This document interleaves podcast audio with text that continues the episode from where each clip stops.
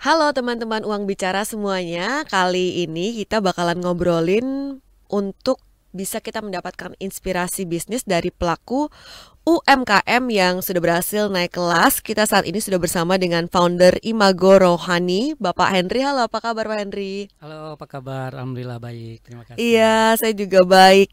Boleh diceritain nggak kapan uh, mulai merintis Imago Rohani ini dan inspirasinya dari mana kayak gitu? Oke, baik terima kasih. Uh, jadi Imago Rohani ini berdiri pada tahun 2019. Jadi kita awalnya kami uh, saya dan istri saya couple planner kita sama-sama resign tahun 2018 dari dari perusahaan Qatar, salah satu perusahaan internasional di wow. Jakarta gitu ya. Kemudian kita memutuskan untuk bikin perusahaan sendiri yaitu IO dan setahun berjalan ternyata uh, ada permintaan souvenir unik. Kemudian kita berpikir karena kita konsumsi madu sebelumnya, kita berpikir kenapa kita nggak memperkenalkan madu Nusantara dikemas secara eksklusif khusus untuk souvenir perusahaan. Akhirnya kita research, kemudian kita juga cari nama yang pas untuk brand kita, kemudian vendor dan lain-lain. Dan tahun 2019 itu lahirlah a prototype. Kemudian kita over ke beberapa corporate dan alhamdulillah tahun 2019 bulan April kami uh, ditunjuk sebagai official merchandise Wonderful Indonesia dari Kementerian Pariwisata dan Ekonomi Kreatif gitu. Oh wow, ini menarik banget ya perjalanan bisnisnya ya, mulai dari karyawan. Berarti tadinya sebenarnya cukup nyaman dong ya, cukup comfortable dong. Nyaman banget. Di perusahaan asing gitu. Iya. Kenapa mau repot-repot nih? Jadi awalnya uh, kami kan tinggal Jakarta, kemudian mm -hmm. setelah memutuskan untuk menikah dan uh, pindah ke daerah Cilengsi, tempat kami tinggal sekarang. Uh, intensitas antara Cilengsi dan Jakarta kan cukup jauh ya. Sedangkan uh, istri saya juga sebelumnya bekerja, kemudian kami minta untuk resign, sehingga kami berpikir sayang banget, maksudnya kalau misalkan istri udah resign, tinggal di rumah, kemudian saya tinggal gitu, pagi-pagi malam baru pulang lagi. Kemudian kami juga baru ada anak kecil. Nah akhirnya kami bertiga, uh, berdua uh, bersepakat bahwa gimana kalau kita resign aja dan fokus uh, bikin usaha dan membina keluarga bersama gitu. Jadi ya sebagai couple planner kita juga bisa mengasuh anak bersama. Itu konsep yang memang kita usung dari awal dan di awal memang kita nggak info keluarga. karena takut ditentang. khawatirnya seperti itu. Jadi baru setelah jalan enam bulan kurang lebih kita info ke keluarga. Jadi setelah uh, bisnis jalan, kita info keluarga bahwa kita sudah resign dan kita memutuskan untuk berwirausaha gitu. Oh, sebuah uh, pertaruhan yang berani juga ya karena resign duluan baru bisnis kayak gitu. Betul. Betul. Baik, dari uh, Imago Rohani ini sebenarnya proses yang paling challenging apakah mencari madunya hmm. atau desain produknya atau marketingnya atau gimana sih, ya. Mas? Jadi yang menjadi challenges itu adalah tahun uh, selama satu tahun uh, berjalan dari mm -hmm. 2000 uh, 2019 kami fokusnya di corporate. Mm -hmm. Jadi madu sebagai uh, souvenir perusahaan dan kita tidak menyentuh retail. Nah, pada tahun 2020 pandemi melanda Indonesia mm -hmm. dan semua struktur tatanan uh, kehidupan itu berubah termasuk uh, tidak diperkenankannya ada kerumunan, ada meeting dan lain-lain sehingga order hampers, kemudian souvenir dan lain-lain itu di cancel sampai akhir tahun yang sudah confirm. Nah di sanalah Padahal baru jalan ya. Lagi lucu-lucunya gitu oh, setahun kan ya, lagi banyak klien perusahaan-perusahaan gitu. Eh tiba-tiba ya tapi itulah uh, jalannya ya. Sehingga pada 2020 ini secara omset kami turun drastis bahkan secara finansial kami sempat di minus karena kami sudah bayar ke vendor dan lain-lain tetapi semua di cancel dan akhirnya juga kami dipaksa secara tidak langsung bahwa kami harus masuk go digital karena mau nggak mau dan kami mencoba berpikir ya kita harus masuk ke pasar retail yang selama ini memang tidak pernah kita sentuh. Nah, akhirnya kita juga belajar nih bagaimana masuk ke e-commerce, kemudian bagaimana mengoptimalkan WhatsApp, kemudian Instagram dan lain-lain. Di sanalah karena selama pandemi ini kita banyak waktu luang dan banyak juga program-program dari pemerintah, dari inkubasi itu terkait Zoom, pendampingan dan lain-lain kita akhirnya ikut. Nah, akhirnya kita belajar, kemudian kita juga banyak men, uh, apa namanya mengikuti pelatihan-pelatihan yang akhirnya kami uh, mulai untuk percaya diri masuk ke pasar retail dan alhamdulillah jadi pada saat pandemi itu kami juga um, dibantu oleh salah satu sahabat kami ya kami mengeluarkan satu produk yang kita sebut dengan Itox Honey. Jadi madu yang sudah dicampur dengan lemon segar, jahe merah dan kayu manis. Dan itu memang pasar itu pas pada saat dengan pandemi karena orang-orang lagi cari imun ya. Uh, produk yang bisa meningkatkan imun tubuh dan kita masuk di pasar itu dengan uh, market kelas menengah ke atas.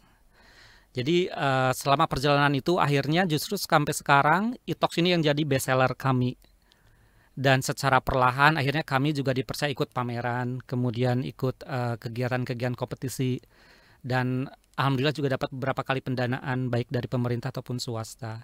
Dan dari sanalah kami juga mulai survive, kemudian juga kami dibantu banyak oleh public figure, Kak. Jadi uh, pada saat pandemi kan banyak public figure yang memberikan free endorse. Mm -mm. Jadi kami kirim produk kemudian uh, yang bersangkutan posting di Instastory dan alhamdulillah feedbacknya sangat baik bagi brand kami ya karena setelah, hanya dengan posting 15 detik saja itu bisa closing sampai jutaan dalam satu hari dari wow. publik tersebut. Luar Itulah mulai ya. dikenal Ima Gorohani di ya di beberapa kalangan public figure gitu kak. Oh mantap banget. Jadi apa nih hikmah yang bisa dibagikan buat mereka yang saat ini lagi membangun bisnis juga? Ya. Jadi kalau yang saya berpikir ya satu pintu tertutup kita percaya bahwa akan ada seribu pintu yang terbuka untuk kita gitu ya karena kadang memang kami juga mengalami pada saat uh, si korporat tadi tutup dan lain-lain kami sempat down dan lain-lain tapi uh, selama kita memang uh, konsistensi kita terus berusaha terus bergerak meskipun uh, selambat mungkin gitu ya, tetapi terus berjalan. Insya Allah kita akan menemukan pintu-pintu lainnya yang akan memberikan rezeki buat kita gitu malah produk yang lahir dari situasi kepepet jadi betul. best seller ya. Yes, betul. uh, Kang Henry boleh dibagiin nggak ini kalau untuk awal bisnis itu modalnya berapa sih? Mungkin kan beberapa entrepreneur pemula sering kali menganggap modal itu jadi hambatan gitu. Betul, betul. Jadi memang uh, mau nggak mau dipungkiri modal itu memang tetap harus ada gitu mm -hmm. ya. Nah kalau untuk pada saat kami di 2019 masuk di pasar korporat, kita modal nggak terlalu besar. Pertama karena kita cukup uh, bikin prototype pada saat itu. Kita sudah ada contoh produknya. Kemudian pada saat closing dengan corporate, biasanya kita bisa minta DP. Hmm. Jadi itu yang uh, meringankan kami uh, tidak harus uh, apa namanya memiliki modal yang besar. Pada saat tidak closing misalkan kita kebutuhan 100, 200 atau 1000 bahkan kita sempat menerima order sampai 2000 pieces dan mereka memang masih dulu uh, eh, DP sehingga itu meringankan kami. Nah, yang menjadi challenging adalah pada saat uh, kami masuk ke pasar retail di mana keuangan kami juga sudah minus pada saat itu ya. Mm -hmm. Nah, teman-teman uh, modal itu memang utama, tetapi yang paling penting adalah niat kita uh, niat kita untuk uh, berjualan mm -hmm. atau untuk membangun usaha. Modal yang paling penting adalah berjejaring. Karena dengan berjejaring kita mengenal teman-teman. Kadang kita dapat bantuan itu dari teman-teman yang memang kita tidak pernah menyangka bahwa orang tersebut akan membantu kita. Tidak hanya dalam bentuk materi, tapi dalam bentuk koneksi, dalam bentuk publik, uh, publikasi, dalam bentuk misalkan, oh, saya ini kenalin aja nih sama ke sini, coba masuk ke sana, seperti itu kurang lebihnya. Jadi uh, buat teman-teman memang yang sekarang lagi mencoba untuk ber, mau berwirausaha, kemudian berpikir wah modal saya nggak terlalu banyak, coba dicari aja dulu kira-kira passionnya itu sebetulnya lebih ke mana dulu gitu ya. Yang pertama itu harus dicari passionnya karena pada saat kita sudah menemukan titik passion kita di mana, apa pun seberat apa pun itu yang akan kita lakukan yang akan kita hadapi, kita akan menikmatinya kok gitu. Wah, jadi passionnya dulu nih harus ditemukan ya biar kita kuat ngelewatinnya ini. Mhm. Jadi apa sih yang paling nggak kebayang pada saat memulai bisnis ini? Mungkin pandemi itu hantaman paling besar ya. Mhm. Lalu apalagi tuh yang tadinya nggak kebayang tapi akhirnya harus dijalani juga itu tadi yang go digital itu. Karena di awal kita berpikir aduh ribet banget ya kalau misalkan harus uh, masuk ke pasar retail. Kebayang misalkan kita dapat WA satu-satu gitu ya mm-hmm. kemudian kak tanya bla bla bla terus hilang gak jadi gitu kan. Kan banyak banget tuh seperti itu. Tetapi ya di sanalah challenge-nya bahwa kita dilatih untuk bersabar. Beda sama kalau klien corporate ya. Sekali chat ordernya banyak. Langsung kan. Hmm. ratusan ribuan gitu hmm. kan. Kalau ini kan kak satu gini gini hilang gitu. Terus datang lagi dari yang beberapa gitu kan. Dan itu dalam satu waktu tuh bisa sampai satu sampai lima gitu lima chat yang berbeda dari berbagai kota. Tapi di sana serunya gitu. Jadi kita selalu minta izin diizin tolong di save ya nomor saya dan saya juga uh, save nomor kakak seperti itu. Karena kenapa? Mungkin pada saat hari ini uh, yang bersangkutan masih berpikir. Tapi siapa tahu pada saat lihat status, karena kita save nomornya ya, mm-hmm. pada saat kita posting dan lain-lain, mungkin uh, setelah ada rezekinya mereka akan order ke kita. Dan memang itu yang banyak terjadi. Tetap Seperti dilayani itu. ya, meskipun nggak langsung beli. Tetap. Kang Henry, kemudian yang saya juga pengen tahu nih soal pengelolaan keuangan antara hmm. keuangan pribadi dengan keuangan yang emang ini punya perusahaan kayak gitu. Ah, betul. Jadi um, pada saat awal pandemi itu ya, mm-hmm. kan keuangan kita udah benar-benar kacau banget. Jadi uh, kita juga sebetulnya udah mencoba nih untuk kita harus pisah dan lain-lain ya. Mm-hmm. Tetapi pada prakteknya memang tetap aja ada pencampuran dan lain-lain gitu ya. Uang modal kadang kepake lagi dan lain-lain. Nah beriringnya waktu, akhirnya memang uh, kita berpikirnya begini, kita oke okay, kita jangan terlalu strict deh, harus misalkan ini uang itu bisa uang keluarga, ini uang modal dan lain-lain. Karena pada saat itu kita belum terlalu bisa. Yang penting kita catat aja dulu mana uang perusahaan, mana yang untuk uh, pengeluaran pribadi. Mm -hmm. Jadi selama pada saat itu meskipun keuangan kita masih campur tapi pencatatan kita selalu ada. Mm -hmm. Jadi kita menggunakan satu aplikasi yang memang itu juga uh, gratis ya tidak berbayar. Mm -hmm. Jadi semua pencatatan pembelanjaan, pencatatan penerimaan, pembelian dan lain-lain itu termasuk database pelanggan juga kita ada di sana. Mm -hmm. Nah beriringnya waktu setelah kita mulai secara keuangan mulai pulih, kemudian malah lebih baik gitu sekarang dibandingkan tahun-tahun sebelumnya, kita sudah mulai fokus karena kita juga sudah membentuk PT. Mm -hmm. PT baru, jadi memang secara keuangan kita uh, secara rekening udah dipisah kemudian secara pelaporan keuangan juga kita sudah alhamdulillah udah mulai lengkap seperti itu. Iya berarti berjalan bertahap ya. Bertahap. Mungkin sama seperti yang lain juga awal mulai bisnis masih kecampur yang penting iya. ada catatannya ya iya. Kang ya setidaknya gitu ya. Nah kalau terkait dengan utang uh, view dari Kang Henry sendiri seperti apa? Apakah lebih baik dengan modal sendiri aja atau mengambil pembiayaan seperti itu sebagai leverage biar bisa lebih ambil banyak opportunity di market kayak gitu. Iya. Jadi uh, kan kalau misalnya pada saat kita diskus kadang ada beberapa juga yang memang uh, mereka anti riba, anti pinjam uang dan lain-lain. Mm -mm. Nah kalau bagi kami uh, selama memang uh, kami sudah ada uh, project yang memang sudah kami lihat gitu ya dan kami memerlukan modal, kami tidak menutup kemungkinan bahwa kami harus mengambil karena untuk meningkatkan atau untuk scale up bisnis mau nggak mau kita perlu modal tambahan di luar dari memang cash flow yang sudah ada sekarang seperti itu. Hmm, baik. Jadi lihat situasi kalau memang ada opportunity yang perlu diambil ya nggak apa-apa pakai pembiayaan ya kalau Kang Henry sendiri Betul. ya. Karena yang yang memang yang harus diperhatikan itu banyak banget kan ya eh, tawaran-tawaran yang menggiurkan gitu. Mm -mm. Terkadang memang uh, kita berpikir ah kita apa ya uh, kita pengen cepat expand bisnis dan lain-lain. Tetapi tanpa kita sadari bahwa sebetulnya kita belum siap. Nah itu yang harus kita uh, pahami bahwa kita juga harus melihat ke internal diri kita, hmm. internal bisnis kita. Apakah kita sudah siap untuk leverage, hmm. untuk scale up?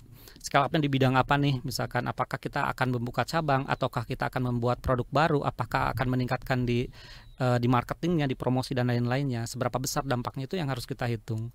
Nah, pada saat kita menerima offering uh, misalkan pinjaman dan lain-lain baik itu berupa kur yang 6%, 3% ataupun yang 0%, apalagi misalkan yang sifatnya konsumtif yang 12% dan lain-lain. Itu yang harus kita cermat apa seberapa besar sih urgensinya buat kebutuhan bisnis kita. Jangan hmm. sampai pada saat kita meminjam karena kita belum punya proyeksi yang pas, akhirnya kepake untuk konsumsi. Dan hmm. at the end-nya jadi uh, bisnis kita malah yang menjadi membayarkan hutang-hutang untuk kebutuhan konsumtif kita. Seperti itu. Itu yang harus kita hindari. Iya beberapa kasus kayak gitu yang kejadian ya. Usaha hmm. yang tadinya kayak menjanjikan banget kok tiba-tiba udah tutup ya gitu. Kita kan kadang-kadang lihat kayak gitu tuh. Banyak banget itu sih iya. bener. Kang uh, kayak gini saya juga mau tahu nih terkait dengan growth tadi kan sering kita lihat misalnya usaha yang sangat menjanjikan di level mikro tapi begitu dia naik kelas malah kehilangan kecantikannya kayak gitu kan tiba-tiba orang ngerasa nih produk jadi kayak sangat di mana-mana gampang banget kita dapat. Tadinya kita mungkin harus agak effort gitu untuk dapat barang ini gitu kan. Sekarang jadi gampang didapat malahan gak terlalu tertarik lagi, malahan konsumen jadi nah terkait dengan growth ini tadi kayak gimana sih kalau dari pandangan uh, Kang Henry? Ya. Jadi kalau itu sebetulnya baik lagi ke visi dan misi dari uh, perusahaan kita mm -hmm. atau perusahaannya masing-masing ya. Kalau memang ternyata visi misinya adalah untuk segera uh, expand cabang dan lain-lain, mungkin itu masuk di yang bersangkutan. Tetapi yang perlu kita ingatkan, yang harus kita tanamkan dalam diri kita lah sebagai uh, eh, UMKM atau pengusaha bahwa sebelum kita untuk me melangkah atau leverage atau scaling up dan lain-lain, itu kita harus sebetulnya scale deep dulu nih terkadang orang orang lupa gitu bahwa orang mengejar-ngejar untuk scale up scale up tapi mereka lupa untuk scale deep scale deep dalam artian kita mengukur nih kemampuan diri kita kemampuan perusahaan kita seberapa kuatnya manajemen perusahaan kita apakah tim kita juga sudah solid sudah cukup kuat apakah produk kita juga sudah cukup diterima masyarakat seberapa besar sih pangsa pasar market kita dan lain-lain. Kemudian apakah kita eh, dari sisi harga juga sudah kompetitif dan lain-lain Nah itu yang memang uh, perlu ditingkatkan, termasuk juga uh, storytellingnya, karena yang sekarang mulai naik itu kan orang-orang tuh udah mulai melihat storytelling dari suatu brand. Mm-mm. Sebetulnya brand ini tuh lahirnya bagaimana, kemudian produknya itu diambil dari mana, asal usulnya dari hulu ke hilirnya itu, itu yang mulai kita coba kembangkan, itu menjadi daya tarik buat si calon pembeli. Kalau imago rohani sendiri seperti apa teknik uh, storytelling yang diaplikasikan? Nah, kita kebetulan juga mengosep uh, mengusung program SDGs terutama di apa namanya di pemberdayaan masyarakat atau komunitas, kemudian juga di penggunaan bahan yang ramah lingkungan. Sehingga kita berko berkolaborasi dengan petani lokal. Jadi untuk sub uh, untuk bahan baku kita madu kita berkolaborasi dengan uh, para petani lokal salah satunya ada di Gunung Gede Pangrango Bogor kemudian ada di Garut dan di Jawa, Jawa Tengah. Nah ini kita konsepnya macam-macam. Jadi untuk mengamankan stok kita biasanya sedikit investasi di mereka. Jadi kita uh, berikan investasi, kemudian pembibitan dan lain-lain, sehingga pada saat nanti panen itu stoknya akan kita uh, ambil seperti itu. Karena kalau tidak seperti itu biasanya pada saat musim-musim tertentu lagi rame itu rebutan. Dan memang kita mau nggak mau juga nggak bisa apa ya maksudnya mengeblem ke petani dan lain kalau memang kita belum siap untuk mengambil ya mungkin mereka juga kan uh, stok harus keluar seperti itu. Mm-hmm. Nah karena kami sendiri memang belum punya lahan sendiri karena secara bisnis itu memang sangat berbeda antara kita punya budidaya lebah dengan uh, manufakturnya gitu ya. gitu ya dengan distribusi dan marketingnya oh. itu dua bisnis sebetulnya itu inline kan sama ya tetapi secara bisnis itu sangat berbeda hmm. mulai dari manajemen pemberdayaan uh, human resource-nya kemudian uh, teknik-teknik strategi marketing dan lain-lainnya juga sangat berbeda nah ini yang akhirnya kami uh, dua atau tiga tahun ke depan ini akan kami kembangkan insya Allah kita akan membangun imago Idu Farm dan uh, Smart Farming Wah, bisa gitu. wisata dong nanti itu. Jadi konsepnya memang kita akan uh, meng, uh, memperdayakan petani dan masyarakat lokal untuk bekerja, memperdayakan lebah dan lain-lain. Kemudian kita juga mengundang nih pembeli atau siapa pun masyarakat yang mau belajar tentang perlebahan dunia badu dan lain-lain. Hmm. Jadi sambil berwisata sambil dapat ilmunya juga gitu. Wah, kita nantikan itu ya nanti eco farmnya. uh, Kang Henry kita mau tahu dong kalau sekarang kan udah endemi nih. Nah, hmm. Nah kalau dari sisi tadi dari sisi penjualan uh, proporsi retail dengan korporasinya sekarang seperti apa? Nah jadi um, pada saat pandemi itu kan kurang lebih mungkin boleh dibilang hampir 0% ya untuk corporate. Mm -mm. Jadi semua totally memang betul-betul uh, retail. Nah sekarang kita udah mulai masuk lagi alhamdulillah ke pasar corporate jadi kita udah mulai banyak uh, pesanan dari institusi dari pemerintahan, BUMN, termasuk perusahaan-perusahaan swasta. Jadi kita memang kemasnya itu madu itu sebagai souvenir, sebagai goodie bag. Kalau misalnya mereka ada meeting, ya uh, kita konsepnya co-branding. Jadi di label kemasan Imago ini kita bisa pasang logo perusahaan. Jadi sebagai identitas lah pada saat memberikan ke uh, pelanggannya perusahaan tersebut. Kemudian kita juga create uh, custom hampers. Jadi kalau misalnya untuk tidak hanya untuk edisi tertentu seperti Natal, Lebaran, tapi juga untuk periode-periode kapan pun kita bisa custom. Jadi misalkan perusahaan perlu uh, custom hampers dengan budget sekian, bentuknya seperti ini dan lain-lain itu kita akomodir. Dan alhamdulillah selama ini memang secara um, market kita udah hampir 50-50 antara corporate dan retail gitu udah perlahan uh, recovery juga ya Betul. untuk yang market corporate-nya. Nah, kalau dari Imago Rohani ini kan termasuk dalam UKM jagoan, boleh diceritain Pak gimana sih bisa menjadi bagian dari ukmindonesia.id? Nah, ini juga yang bagian paling penting dalam uh, perjalanan Imago ya, karena mm -hmm. UKM jagoan ini juga menjadi support sistemnya Imago. Mm -hmm. Jadi pada saat kami uh, di titik membangun lagi ya dibanding dari pasar retail. Kemudian tiba-tiba ada kurasi waktu itu dari UKM Indonesia untuk masuk ke uh, grupnya mereka. Kemudian kita uh, ikut kurasi dan alhamdulillah waktu itu lolos di uh, UKM Go Digital. Jadi ada dua grup, ada UKM Go Digital dan Go Global. Dan kita masuk di dua-duanya alhamdulillah. Jadi berkat publikasi dari UKM Indonesia juga karena mereka juga mempublikasikan di media sosialnya. Kemudian ada beberapa pelatihan, pendampingan, termasuk juga pameran. Pameran yang uh, bekerja sama dengan beberapa uh, partnernya UKM Indonesia ini seperti WhatsApp. Jadi kita sempat ada pameran WhatsApp yang dikunjungi langsung oleh uh, VV-nya WhatsApp dari Amerika Kemudian uh, kita juga baru kemarin melakukan WhatsApp baru, Summit. Baru aja kan acaranya ya. WhatsApp Summit juga baru kemarin nih. Uh -uh. Uh -uh. Jadi alhamdulillah banyak uh, dengan uh, jaringannya UKM Indonesia dan UKM Jagoan ini, kami juga ikut terbantu terpublikasi, kemudian secara market juga ikut uh, terbantu luas gitu ya karena pada saat mereka melihat di website kita uh, di websitenya UKM Indonesia kemudian di Instagramnya uh, banyak juga tidak hanya retail tapi corporate yang kontak kami gitu untuk kebutuhan hampers dan lain-lain.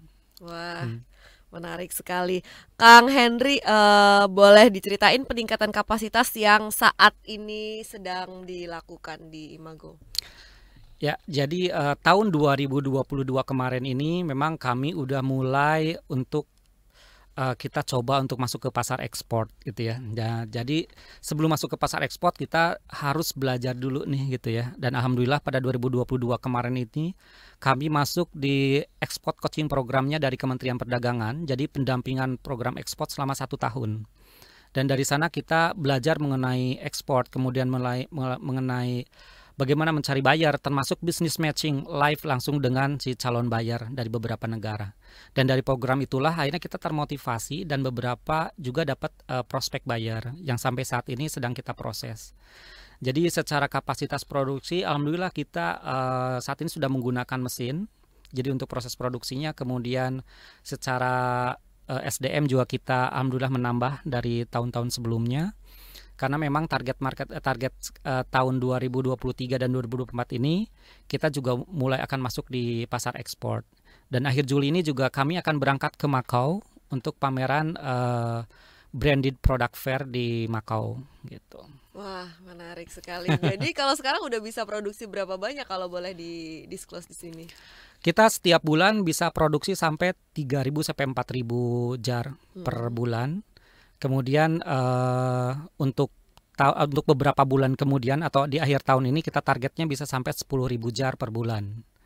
Karena untuk kalau misalkan memang kita nanti closing yang saat ini sedang proses untuk uh, ekspor, kita ekspektasinya di akhir tahun ini kita sudah harus bisa 10.000 per bulan, 10.000 jar per bulan untuk kapasitas produksi. Jadi mungkin kurang lebih naik 100%. tiga tiga kali lipat kayaknya, ya dua sampai tiga kali lipat mm -mm. lah. Iya, iya. Wah, uh, Kang boleh diceritain nggak tantangan pada saat awal merintis bisnis hmm. sampai kayak di level kayak sekarang harus scaling up tadi hmm. sekaligus juga scaling deep katanya tadi. Yang tantangan yang paling besar itu sebetulnya kan dari diri kita sendiri nih. Hmm. Uh, saya sebagai ex karyawan kemudian banyak kalau memang kita secara mental nggak siap banyak yang ya kurang lebih semacam menyinyir gitu ya mm Lu jualan, karena pada saat itu jualan atau kayak usaha itu sesuatu yang yang nggak terlalu keren gitu ya dianggapnya lu jualan gitu. madu digituin gitu ya. ya banyak banget jadi kalau oh, jualan kayak seperti itu kayak eh, lo emang kenapa jadi kan memang mau nggak mau apalagi pada saat di awal itu kan kita posting dan lain-lain hmm. gitu ya memang saya nggak pernah yang uh, hard selling gitu ya hmm. maksudnya yang memaksa jual karena itu bukan uh, maksudnya bukan gaya berjualan kami. Jadi memang cara cara penjualan kami lebih ke soft selling, jadi memberikan edukasi dan lain-lain untuk produk ini bisa didapat di website atau di Instagram dan lain-lain. Hmm. Tetapi ya itu komen-komen yang yang paling di awal cukup struggle buat kita itu adalah komen-komen orang-orang terdekat gitu ya. Sam, uh, bahkan sampai kayak udah lu kerja lagi gitu daripada ngapain lu jualan-jualan kayak gitu seperti itu kan maksudnya terus uh, emang lu udah nggak ini nggak apa namanya semacam kayak gak laku lagi untuk uh, kerja seperti itu karena memang niat kita di awal adalah memang mau berusaha bukan karena kita lay, kena lay off atau apa pun karena terpaksa harus berusaha sehingga pada saat ada gunjing ataupun apa pun itu yang masuk ke diri kita ya kita cukup senyum aja gitu mm-hmm. mereka kan nggak tahu cerita dari dibalik uh, perjuangan kita membangun usaha ini bahwa tujuan kita membangun usaha ini adalah kita pengen dekat dengan keluarga dengan anak gitu ya mm-hmm. kita sebagai couple planner kita ingin ngebangun keluarga bareng-bareng gitu ya. Mm-hmm. Jadi sambil berjualan ya sambil bangun bareng-bareng bersama gitu. Nah itu yang mereka memang mereka nggak terlalu paham sehingga pada setiap ada podcast atau ada info dan lain-lain memang itu yang akan selalu saya informasikan bahwa pentingnya gitu ya balancing antara kerjaan antara usaha dengan juga kita mendampingi keluarga gitu. Jadi setiap ada kemungkinan kegiatan yang lain pun saya usahakan anak saya yang kecil itu selalu saya ajak. Jadi mereka paham oh gini loh kerjaan orang tuanya dan lain-lain seperti itu. Jadi ya itulah omongan atau kuncian dari luar itu yang di awal itu lumayan cukup uh, ini ya. Cuman karena kita fokus di awalnya adalah berusaha, mm -hmm. fokus di sana jadi kita uh, alhamdulillah terus jalan. Nah sekarang tantangan yang berikutnya adalah pada saat kita udah mulai ngebangun brand, udah mulai dikenal, kemudian secara secara market juga kita udah dapat beberapa gitu ya. Ini adalah tantangannya yang pertama memang balik lagi ke modal. Hmm. Modal tuh mau nggak mau memang perlu kalau untuk mau nge-leverage terutama pada saat kita masuk dapat orderan ekspor dan lain-lain. Mm -mm. Ya, ya modal ini akan kita peruntukkan untuk uh, scale up uh, apa namanya? workshop hmm Karena workshop saat ini memang uh, secara luas nggak terlalu luas, tapi kita optimalkan. Nah, makanya mungkin uh, itu yang apa namanya yang sedang kita konsepkan itu adalah kita membangun eco farm itu, Imago Eco Resort itu yang di sana itu kita ada ruang produksinya yang standar dengan HACCP, kemudian ada tempat budidayanya, ada tempat edukasinya juga. Nah, itulah yang akhirnya akan uh, yang sedang kita siapkan proposalnya dan mau nggak mau memang kita harus menggait investor karena kita nggak bisa jalan sendirian. Untuk dari si lahan, alhamdulillah kita sudah dapat uh, persetujuan dari dinas. Mm-hmm. Jadi kita dapat uh, area hutan yang bisa kita kelola mm. selama sekian puluh tahun seperti itu. Nah sekarang kita uh, konsepnya tinggal mematangkan konsep itu, kemudian mengundang investor. Baik. tantangannya beda memang ya di awal sama saat sekarang sudah berjalan. Apa nih yang perlu diperhatikan oleh seorang entrepreneur supaya tetap on the right track? Karena kan banyak juga nih entrepreneur yang kok udah malah sibuk yang lain ya gitu. Iya iya.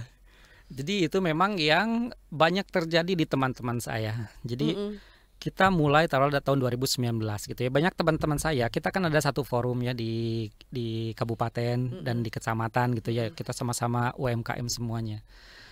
Dan uh, tahun 2020 ini banyak memang teman-teman yang bisnisnya udah berubah-berubah gitu ya. Mm -hmm. Jadi uh, konsistensi terhadap uh, usaha yang kita jalan itu yang paling penting mungkin di awal mereka masih belum menemukan passionnya tadi. Apakah sih sebetulnya bisnis yang cocok untuk mereka? Sehingga uh, di perjalanan ini pada saat ngelihat, ih kok kayaknya ini produk ini laku ya. Tiba-tiba mereka ngambil produk itu pindah. Karena laku di pada saat itu. Kemudian ada lagi produk yang tetangga misalkan produk ini laku pindah lagi ke sini. Kemudian jadi reseller, resellernya produk-produk lain dan lain-lain karena dianggapnya produk produk yang saya jalanin sekarang itu nggak terlalu menguntungkan. Justru menjadi reseller produk ini, produk-produk ini malah lebih menguntungkan. Nah, secara ekonomi memang make sense karena mereka juga perlu pendapatan. Tapi dari sisi bisnis, itulah konsisten pentingnya konsistensi karena gimana kita mau mengembangkan bisnis kita kalau kita juga nggak terlalu fokus gitu. Hmm. Akhirnya yang saya lihat sekarang uh, beberapa teman-teman saya itu selalu bilang, wah Pak Hendy juga udah udah ini udah udah uh, mulai ke mana-mana dan lain-lain gitu. Ya karena kita fokus bu, gue bilang gitu. Yuk gue bilang fokus. Jadi kalau misalnya memang ibu dan bapak udah menemukan satu usaha, fokus di sini meskipun banyak memang pada saat perjalanan itu akan banyak sekali uh, godaan-godaan.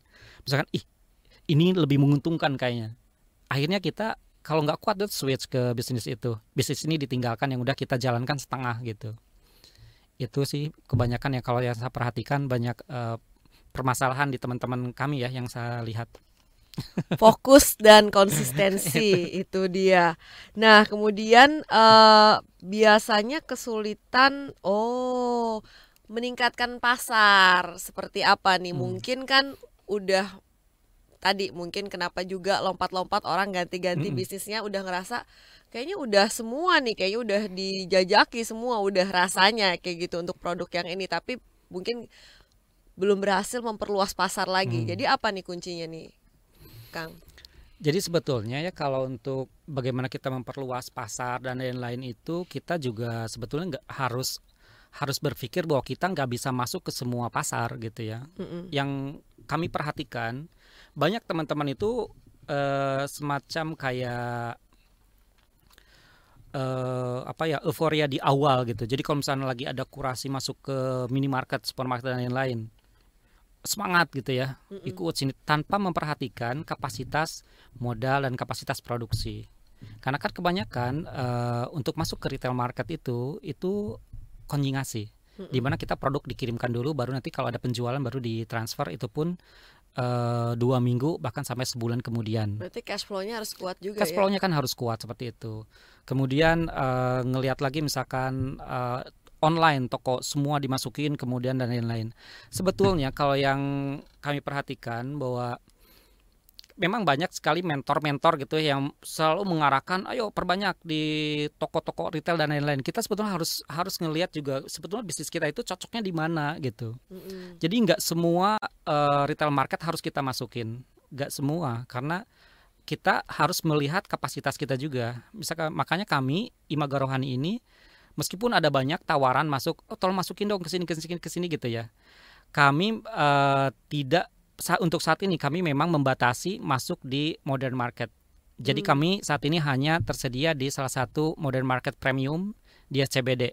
Kenapa kami ambil itu? Karena itu sebagai untuk meningkatkan branding kami. Flagship ya. Yes, jadi kalau misalkan orang lihat udah di mana Imago, oh udah ada di sini, mereka udah secara otomatis wow, berarti ini udah kelas premium seperti -hmm. itu. Tapi uh, kami juga membatasi, maksudnya tidak mau di semua uh, kompetitornya itu ya modern market tadi dan lain-lainnya itu kami masuk. Jadi uh, kami uh, membatasi ini karena kami tahu kapasitas kami yang pertama. Kemudian kami juga uh, secara cash flow itu kan lumayan harus kuat.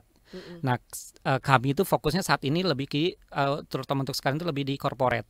Kenapa? Karena cash flow-nya lebih kuat uh, maksudnya lebih lancar satu kali order dapat sekian, kemudian uh, pada saat pengiriman itu udah transfer lunas dan lain-lain. Itu kan lebih kerasa gitu ya. Mm -hmm.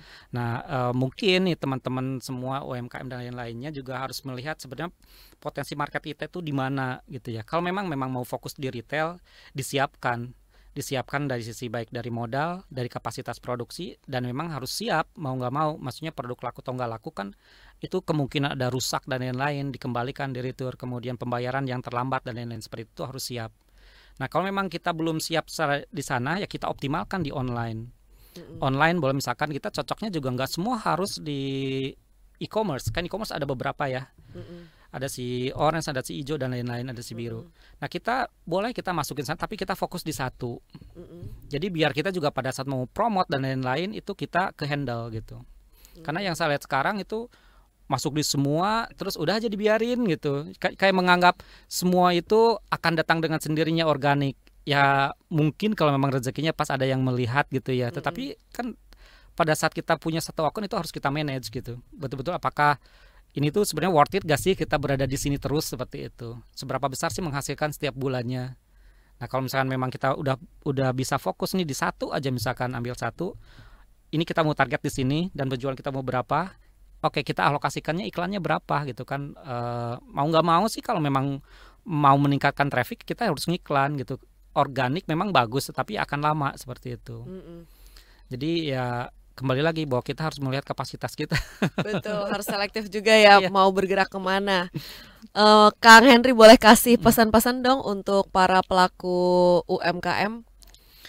Siap. Jadi ini saya ada dua pesan nih. Yang pertama Mhm. buat teman-teman yang masih bekerja dan pengen berusaha. Karena banyak banget juga. saya saya takut untuk untuk resign dan lain-lain seperti itu ya. Tapi saya pengen berusaha gitu kan. Nah, buat teman-teman yang memang di fase itu Hmm. Eh, saya tidak akan pernah menyarankan oke langsung resign enggak karena tetap itu juga akan butuh proses gitu ya. Jadi kalau misalnya teman-teman masih bekerja da- tapi ada keinginan untuk eh, berwirausaha, dimulai aja, dimulai aja dulu sambil jadi berbarengan. Jadi kenapa berbarengan itu untuk melihat sebetulnya passion dan fokus bisnis kita tuh yang mana gitu. Mm-mm. Nah, pada saat kita sudah melihat fokus kita, bisnis kita dan passion kita itu adalah di produk A gitu ya, di kategori ini dan misalkan sudah mulai menghasilkan resign, fokus di sana dan kembangkan. Karena kalau misalkan mau jalan-jalan berdua itu agak sulit. Ya pastinya akan tetap kebagi kan pada saat kerja dan usaha. Sehingga pada saat kita sudah menumbuhkan titik passion kita di mana, passion kita di mana, fokus dan resign dan fokus kembangkan di sana. Nah, buat teman-teman eh, teman-teman UMKM baik yang baru apa namanya membuka gitu ya. Membuka jalur kemudian ataupun yang sudah lama yang bertahun-tahun tapi memang secara bisnisnya masih di sana saja gitu ya. Sebetulnya yang paling penting itu yang tadi saya salah sebutkan adalah tetap bergerak. Jadi selambat apa pun itu adalah tetap bergerak dan konsistensi. Hmm. Jadi karena kalau kita pindah-pindah bisnis dan lain kita tidak akan pernah menemukan eh, usaha kita tuh di mana gitu yang harus kita kembangkan. Seperti itu Kak. Menarik sekali, makasih Kang Henry. Semoga bisa menjadi suntikan semangat untuk teman-teman yang sedang merintis usaha. Sama-sama Kak, semoga bermanfaat ya untuk mendengarkan. Sehat dan sukses selalu kita tunggu ya. Eco Farm.